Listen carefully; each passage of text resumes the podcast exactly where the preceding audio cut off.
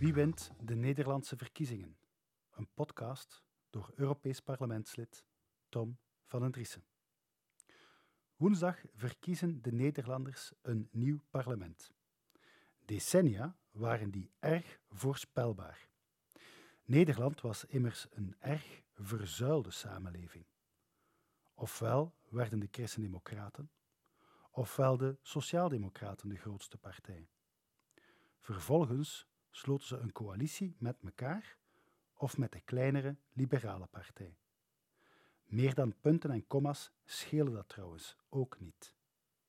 In deze polderdemocratie streefde men via overleg een breed gedragen beleidsconsensus na, gebouwd op zogenaamde tolerantie, multiculturalisme, vrijhandel, transatlantisch militair bondgenootschap in de NAVO en Europese integratie in de Europese Unie.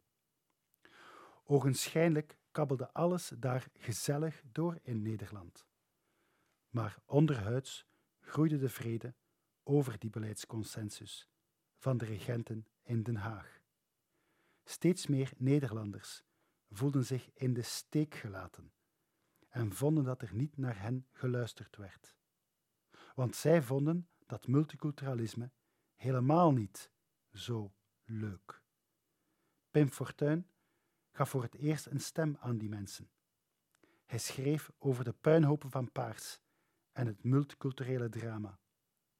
Hij sprak over een verwezen samenleving, waarin mensen sociaal-economisch onderworpen en sociaal-cultureel verdrongen werden. Het was regelrecht vloeken in de progressieve kerk. Hij werd net voor de verkiezingen in 2002 vermoord door een GroenLinkse activist, omdat hij de waarheid sprak. Fortuin konden ze vermoorden, maar de realiteit waarover hij sprak niet. Dat bleef zich ook politiek vertalen de voorbije twintig jaar. De grote sociaal-democratische en christendemocratische partijen verschrompelden compleet.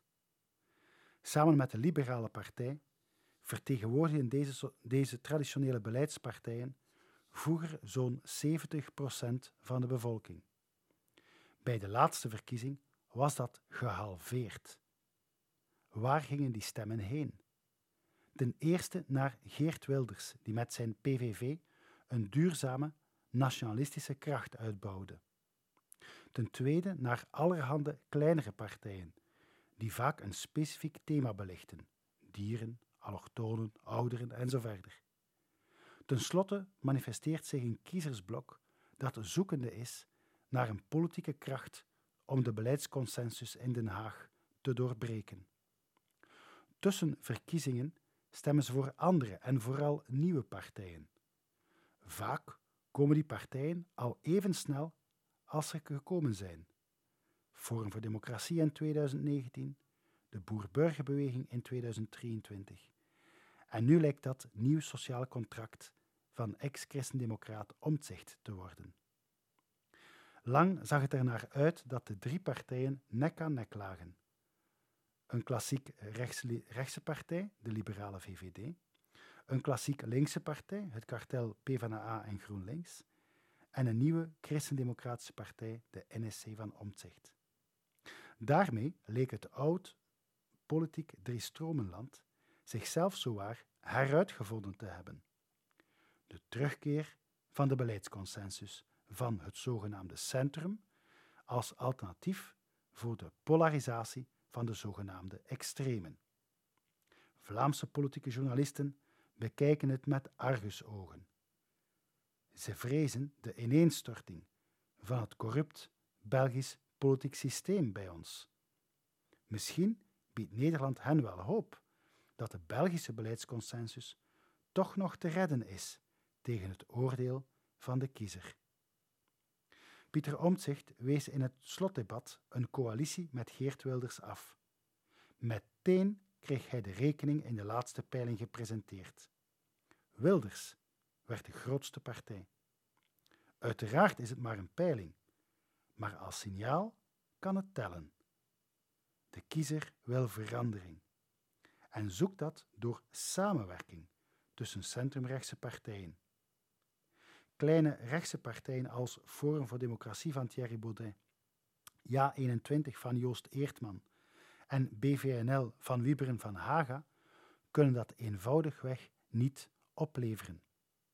Zij vechten voor hun politiek overleven, niet voor het overleven van Nederland.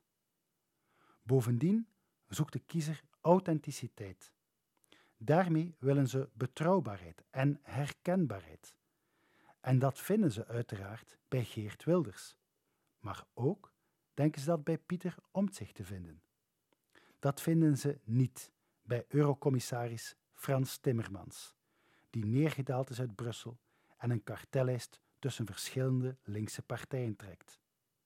Dat vinden ze ook niet bij Boer-Burgerbeweging, die nog maar enkele maanden geleden de grootste werd, maar ondertussen een amalgaam uit andere partijen groepeert.